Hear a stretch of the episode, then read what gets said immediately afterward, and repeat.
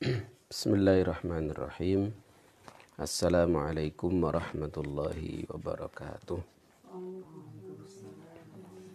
Alhamdulillah wassalatu wassalamu ala Rasulillah wala haula wala quwata illa billahi wa ba'd.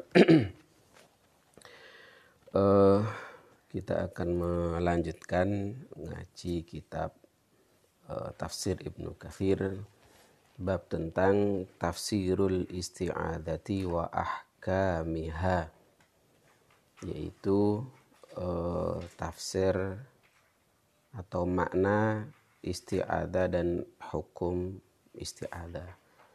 Isti'adah itu adalah membaca A'udzu billahi rajim. Qala ta'ala Allah berfirman khudil afwa wa'mur bil urfi wa a'rid 'anil jahilin. uh, maafkan orang Ya, jadi kita itu disuruh memaafkan uh, orang, jangan menjadi pendendam, jangan menjadi uh, orang yang tidak bisa memaafkan orang lain. Wa'mur bil urfi dan perintahkanlah yang baik-baik. Al-urf itu dari kata arafa yang biasa dilakukan oleh orang Artinya pada dasarnya orang itu suka melakukan kebaikan. Al-urfu itu. Wa a'rid anil jahilin dan e, berpalinglah dari orang-orang yang bodoh. Apa artinya? E, bahwa ketika berdebat atau berdiskusi biasanya orang bodoh itu ngeselin. Ya, wa'arid anil jahilin itu rasa diriwangi gitu. Ya, nggak usah di nggak usah di apa di nggak usah diladeni ngomong bodoh itu. Jadi kalau bahasa ya, pesantren itu sing waras ngalah gitu, ya. Sing waras ngalah. Wa imma yanzaghannaka minasyaitonir nazghun fasta'id billahi innahu sami'un alim. Dan uh, ketika syaitan itu menggodamu maka fasta'id billahi innahu sami'un alim. Uh, mintalah perlindungan kepada Allah Subhanahu wa taala karena Allah itu Maha mendengar dan Maha ngerti. Uh, bagaimana kita tahu bahwa uh, setan itu menggoda kita. Uh, kita tidak boleh merasa aman dari godaan setan, walaupun dalam keadaan sendiri, ya, apalagi banyak orang. Setan itu uh, selalu berusaha untuk menggelincirkan manusia. Jangan merasa kita itu aman dari godaan setan meskipun sedang sholat atau beribadah. Bahwa setan itu pun bisa mengganggu orang yang sedang beribadah. Bagaimana sedang sholat kok digoda? Misalnya setan akan membisikkan bahwasanya kita ini batal. Was-was itu dari setan. Ya. Kadang-kadang kan ada orang yang uh, takbirnya itu sampai berkali-kali. Ya ada teman dulu dari Libya takbir sampai enam kali akhirnya ditabok sama temannya dari belakang probok gitu. ngapain kamu sholat begini gitu ya berkali-kali dia sholat itu mesti Allah Akbar Allah Akbar kayak ragu-ragu itu was-was syayatin atau kadang setan itu menggoda lewat perasaan batal ya wah kayak kentut nih gitu kayak keluar angin, kayak batal itu juga dari godaan setan. Nah, ada lagi uh, setan itu bisa menggoda kita ketika sedang sholat. Uh, setan akan mengajak kita melanglang buana dan lupa kalau kita sedang sholat. Itu juga dari setan. Sehingga kita tidak khusyuk. Ya, sholat ingat, ingat cucian yang mendung. Sholat ingat Eh, kompor yang belum dimatikan, ya dan uh, yang lain gitu. Jadi kita tidak boleh merasa aman dari godaan setan. Apakah dalam keadaan ramai atau dalam keadaan sendiri? Apakah kita dalam keadaan bermain atau kita dalam keadaan beribadah? Dalam keadaan santai atau dalam keadaan serius? Itu tetap kita harus waspada dari godaan setan ya. Nah, terutama dalam keadaan sendiri. Dalam keadaan sendiri itu potensi digoda setan besar. Ya, kenapa? Karena merasa tidak diawasi oleh orang. Ya. Dalam kesendirian itu godaan setannya itu eh, besar. Karena itu hati-hati eh, ketika di dalam kesendirian itu. Wa qala ta'ala idfa billati hiya ahsanus sayyi'ah nahnu a'lamu bima yasifun. Uh, kalau kita itu debat dengan orang bodoh, orang jahil yang ngeselke ya. Debat dengan orang orang jahil itu kan uh, apa ya? Mereka itu pokok biasanya. Karena itu uh, Imam Syafi'i pernah punya satu uh, syair uh, setiap aku ber uh, debat dengan orang alim, ana tuhu, saya mesti bisa mengalahkannya. Ya. Tetapi setiap kali aku berdebat dengan orang goblok, orang bodoh, huwa gholabani, dia mengalahkan aku. Artinya Imam Syafi'i itu kalahnya itu kalau debat dengan orang bodoh. Kenapa kok kalah dengan orang bodoh? Karena orang bodoh itu tidak punya dalil. Dalilnya pokoknya gitu. Ya, orang bodoh itu tidak bisa istimbat hukum. Kalau orang alim itu dia akan berdiskusi, berdebat, dia menggunakan dalil. Dan karena itu eh, Imam Syafi'i bisa mengalahkan. Ya, kullama jadaltu alima ghalabtuhu setiap aku berdebat dengan orang alim mesti aku bisa mengalahkan. Ya. Wa idza jadalani ya al jahilu ghalabani. Kalau saya debat dengan orang yang bodoh, maka orang bodoh itu bisa mengalahkan aku. Makanya eh, ada istilah sing waras ngalah itu ketika berdebat dengan orang bodoh. Tapi kalau berdebat dengan orang eh, alim ya harus ditunjukkan eh, sisi-sisi uh, yang yang benar pada saat debat itu. Walaupun uh, di dalam hadis ada uh, apa ada uh, anjuran untuk tidak berdebat ya. ya jadi Nek Isa itu nggak usah debat gitu loh.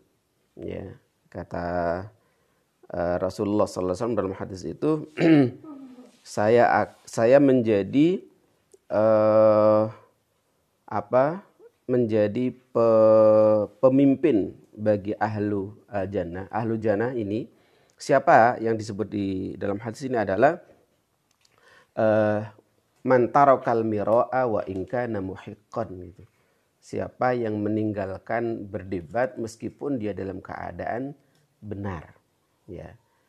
Jadi ketika berdebat dengan orang yang ngawur gitu dia benar ya nggak usah diwangi gitu ya jadi apa uh, mending tadi sing waras ngalah gitu ya.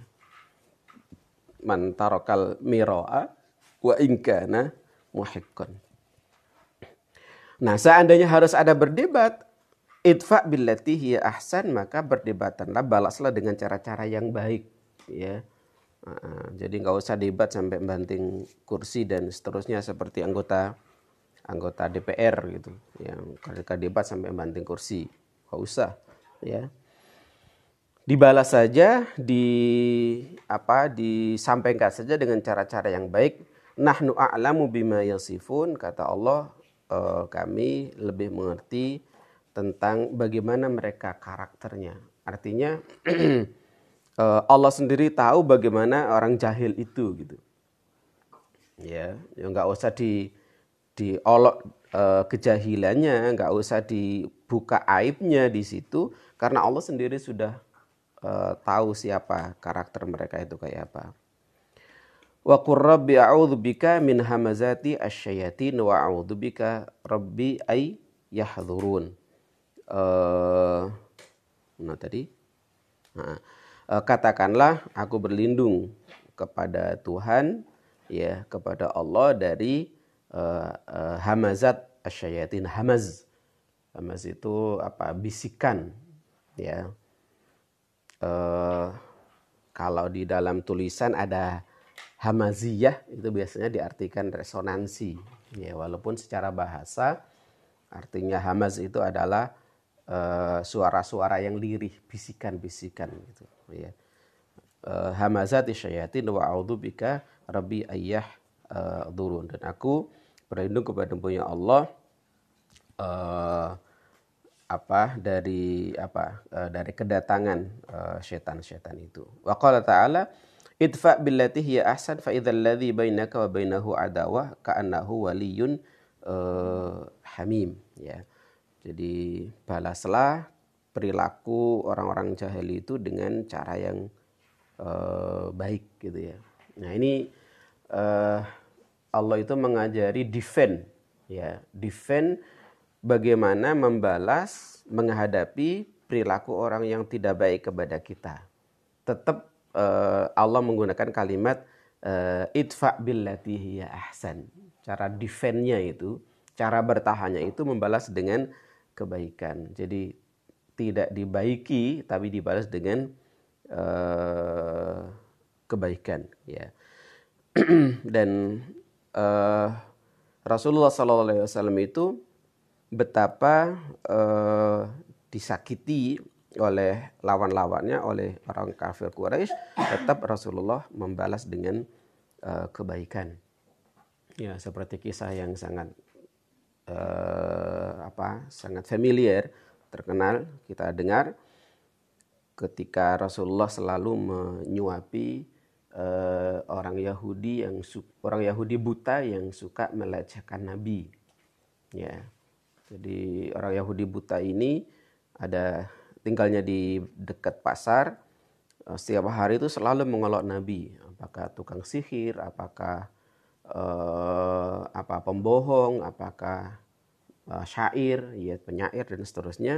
Tetapi Nabi selalu nyuapi makanan. Ya, ini kan idfa billati ahsan. Nah, karena dia buta, gak tahu yang nyuapin itu siapa gitu. Itu Nabi yang setiap hari nyuapin. Nah, taunya kalau uh, yang nyuapi itu Nabi adalah ketika Nabi wafat dan Aisyah ditanya oleh uh, Abu Bakar Wahai Aisyah, adakah amalan Nabi yang kira-kira belum aku contoh? Nah, ada uh, Abah, ada wahai Abu Bakar, kan ayahnya sendiri. Uh, apa itu? Yaitu memberi makan orang Yahudi buta yang suka ngelok-ngelok Nabi itu. Nah, oh itu sering dikasih makan sama Nabi. Oh iya gitu. Wis gawe manganan, oh, tak ternirono, tak antar ke sana gitu. Dibikinkan makanan yang biasa dibikinkan Aisyah kemudian uh, ditaruh di diserahkan. Nih makan gitu. Loh kamu siapa? Aku yang biasa ngasih makan kamu. Enggak biasanya begini. Yang biasa itu enggak seperti itu kosur begini ya yang biasa itu uh, malah nyuapin. Oh, disuapin barang? Iya disuapin gitu. Disuapinnya sambil soto mangkel kan sering ngelok nabi gitu. Nyuapinya sampai dilogok-logok gitu ya. Kalau kerja itu ya apa ya kurang ikhlas lah kira-kira begitu Abu Bakar. Lo kok begini cara nyuapinnya? Emang kenapa? Siapa kamu? Lo aku yang biasa nyuapin kamu gitu. Oh enggak yang biasa nyuapin saya itu lembut gitu nah baru kemudian eh, setelah itu Abu Bakar menceritakan bahwa yang nyuapin kamu selama ini adalah orang yang selalu kamu olok yang selalu lecehkan, yang selalu katain uh, sihir, penyair dan seterusnya. Jadi Nabi itu diolok begitu saja itu masih mau nyuapin gitu. Ya. Nabi itu dibilang gendeng, gila, goblok dan seterusnya itu masih disuapin orang yang ngolok. Ya. Nah itu makanya setelah itu baru Abu Bakar menceritakan uh, yang nyuapin kamu selama ini itu bukan saya memang, tapi Rasulullah Muhammad SAW. Setelah itu baru dia tahu, kan dia buta ini nggak tahu siapa yang nyuapin. Baru tahu, kemudian dia bersyahadat, asyhadu an la ilaha illallah wa asyhadu anna Muhammad Rasulullah. Nah, itu apa yang bisa kita ambil bahwa ternyata tindakan yang tidak baik dari orang itu tidak harus dibalas dengan ketidakbaikan gitu ya jadi kalau diolok Mas Kayes, dibalas dengan yang baik, senyum ting ya gitu. Ya. Nah, jadi nggak harus marah-marah gitu ya. Uh, okay. uh, waliyun uh, hamim ya. Jadi kalau antara kamu seandainya ada uh, permusuhan ya Eh, bainahu adawatun ka'annahu waliyun uh, hamim. Kalau ada permusuhan maka anggap itu adalah setan itu uh, walinya uh, neraka gitu. Ya, hamim itu kan sesuatu yang panas ya. Nah, maksudnya nggak uh, usah diewangi gitu. Ya, diewangi orang yang calon penghuni neraka ngapain gitu. Wa ma yulaqqaha illa alladziina sabaru wa ma yulaqqaha illa dzu hadzin uh, uh, azim ya. Uh, wa ma yulaqqaha illa alladziina sabaru ya.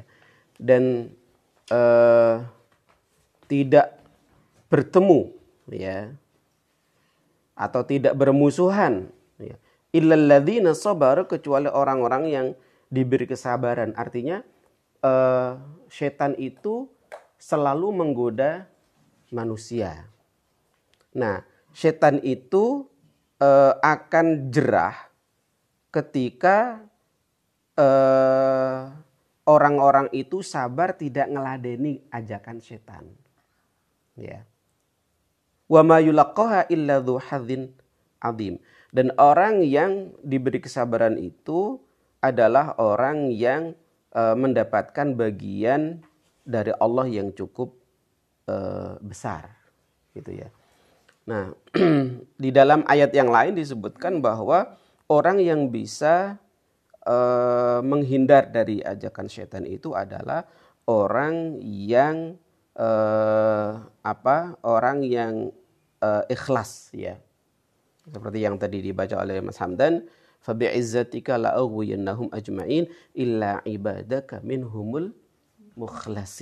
ya.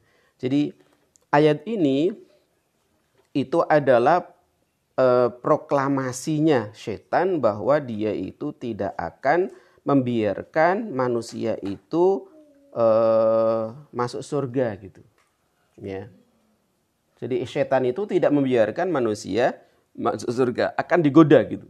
Semuanya ya la'aghwiyannahum ajmain akan saya gelincirkan mereka itu semuanya illa ibadaka minhumul mukhlasin kecuali hambamu ya Allah yang ikhlas jadi ternyata benteng dari godaan setan itu adalah amalan kita yang ikhlas. Kalau kita itu ikhlas, insya Allah setan itu jerah menggoda kita gitu. Tapi kalau kita itu beramalnya tidak ikhlas, maka itu adalah sasaran yang empuk bagi setan untuk menggoda. Karena uh, tadi di awal sudah saya bilang bahwa uh, setan itu akan berusaha menggoda manusia walaupun sedang beribadah. Ya, uh, sholatnya bagaimana supaya tidak khusyuk, bagaimana was-was, termasuk bagaimana dia itu sholat tapi sholatnya tidak ikhlas gitu. Sholatnya karena Allah, eh, karena selain Allah, ya sholatnya lama sekali. Karena ternyata ada calon mertua misalnya ya. Sholatnya khusyuk gitu karena ada sesuatu ya. Nah ini yang uh, tidak bisa dibenarkan. Karena itu harus selalu uh, ikhlas. Nah ciri orang ikhlas itu kayak apa gitu? Ikhlas itu ada di dalam hati. Tidak ada orang yang bisa memastikan dia itu ikhlas atau tidak ikhlas ya. Tapi cirinya orang ikhlas itu adalah di antaranya dia tidak akan termotivasi uh, dengan pujian. Artinya mau dipuji atau tidak dia melakukan kebaikan itu. Ya. Dia juga tidak akan berhenti karena cacian. Itu ciri ikhlas.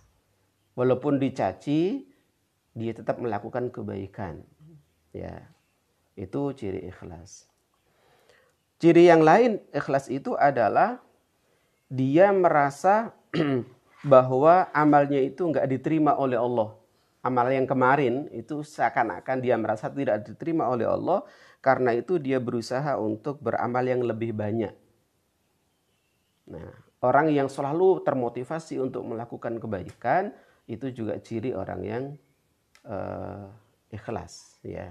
Jadi kalau dia kalau dia merasa kebaik uh, kebaik apa kebanyakan kebaikan, nah ini tandanya dia itu nggak ikhlas sesungguhnya gitu. Aku sudah baik dari kecil, aku dari pondokan misalnya saya sudah hafal ayat ini, hadis ini, merasa banyak, maka itu sesungguhnya orang yang tidak uh, ikhlas ya. Jadi orang ikhlas itu cirinya adalah dia termotivasi untuk melakukan kebaikan karena merasa uh, apa? merasa apa yang dia lakukan itu seakan-akan tidak diterima oleh Allah. Ada lagi ciri ciri orang ikhlas yang lain adalah bahwa dia beramal bukan karena pencitraan. Ya. Eh, sampai ulama-ulama salah menyebutkan salah satunya adalah Fudail bin Iyad mengatakan e, usahakanlah kamu tidak terkenal dengan amal kebaikan kamu. Ya. Jadi jangan jangan pingin terkenal dengan kebaikan kamu. Ya. Dan gak masalah kamu gak terkenal dengan kebaikan kamu. Yang penting yang di langit ya Allah dan para malaikatnya menyaksikan kamu itu orang baik gitu. Nah ini yang kadang-kadang saya sampaikan ketika banyak pemilu itu kan e, berbuat baik hanya untuk supaya namanya dikenal gitu. Ya, nah kalau syarat yang ini jelas itu bertabrakan gitu. Jadi dia berbagi sembako hanya karena gambarnya ingin diikutkan gitu atau namanya ingin diikut, diikutkan dan gak ada masalah seandainya orang itu nggak nggak pingin dikenal kebaikannya tapi ternyata kemudian orang banyak mengenal dia itu orang baik dan gak, itu nggak masalah gitu ya. Abu Bakar itu terkenal kebaikannya gitu tapi apakah Abu Bakar mencari terkenal dengan kebaikan tidak Ya, Utsman juga terkenal dengan kebaikannya, tapi dia nggak mencari keterkenalan dengan kebaikannya. Hanya dia ingin berbuat baik, dikenal atau tidak kenal itu nggak nggak ada masalah. uh, sedikit lagi, Allah Taala, fa idza qara'tal Qur'ana fasta'id billahi minasyaitani ar-rajim. Jika kamu membaca Al-Qur'an atau mau membaca Al-Qur'an, maka fasta'id billahi minasyaitani ar-rajim. Walaupun ada yang memahami karena ini adalah fi'il uh, madhi, qara'ta bukan faida takra'u, ada yang memahami ta'awudnya itu setelah selesai membaca gitu. Ya. Jadi setelah selesai membaca baru a'udzubillahi minasyaitonirrajim gitu. Ya, berdasarkan uh, redaksi daripada uh, ayat ini. Faida qara'ta gitu. Jadi setelah selesai membaca baru ta'awud. Nah, seandainya walaupun itu tidak terkenal, tidak populer ya, seandainya ada orang yang seperti itu ya nggak usah disalahin gitu ya. Nah, tapi umumnya kalau kita uh, apa bertawud itu ya sebelum uh, membaca. Innahu laysa lahu sultanun 'ala ladina amanu wa 'ala rabbihim yatawakkalun. Sesungguhnya syaitan itu tidak punya kekuasaan, tidak mampu untuk me, apa, menggoda orang yang beriman dan orang yang selalu bertawakal kepada Allah. Nah, jadi kalau kita itu tawakal kepada Allah, setan itu tidak akan mampu menembus orang yang selalu bertawakal. Ya. Tawakal setelah kita ikhtiar gitu ya. Jadi kalau sudah kita ikhtiar mau ujian ya sudah belajar tawakal kepada Allah, maka ketawakalan kita itu bisa uh, menghadang godaan dari uh, setan. Innama sultanuhu alladzina yatawallawnahu walladzina hum bihi musyrikun. Setan itu akan bisa menguasai orang. Siapa orang yang bisa dikuasai uh, setan? Itu orang yang uh, menjadikan uh, setan itu teman atau pemimpin dan orang yang selalu mensekutukan Allah. Itu barangkali uh, kajian kita pada pagi hari ini. Uh, mohon maaf atas keterlambatan. Wabillahi taufiq hidayah. Wassalamualaikum warahmatullahi wabarakatuh.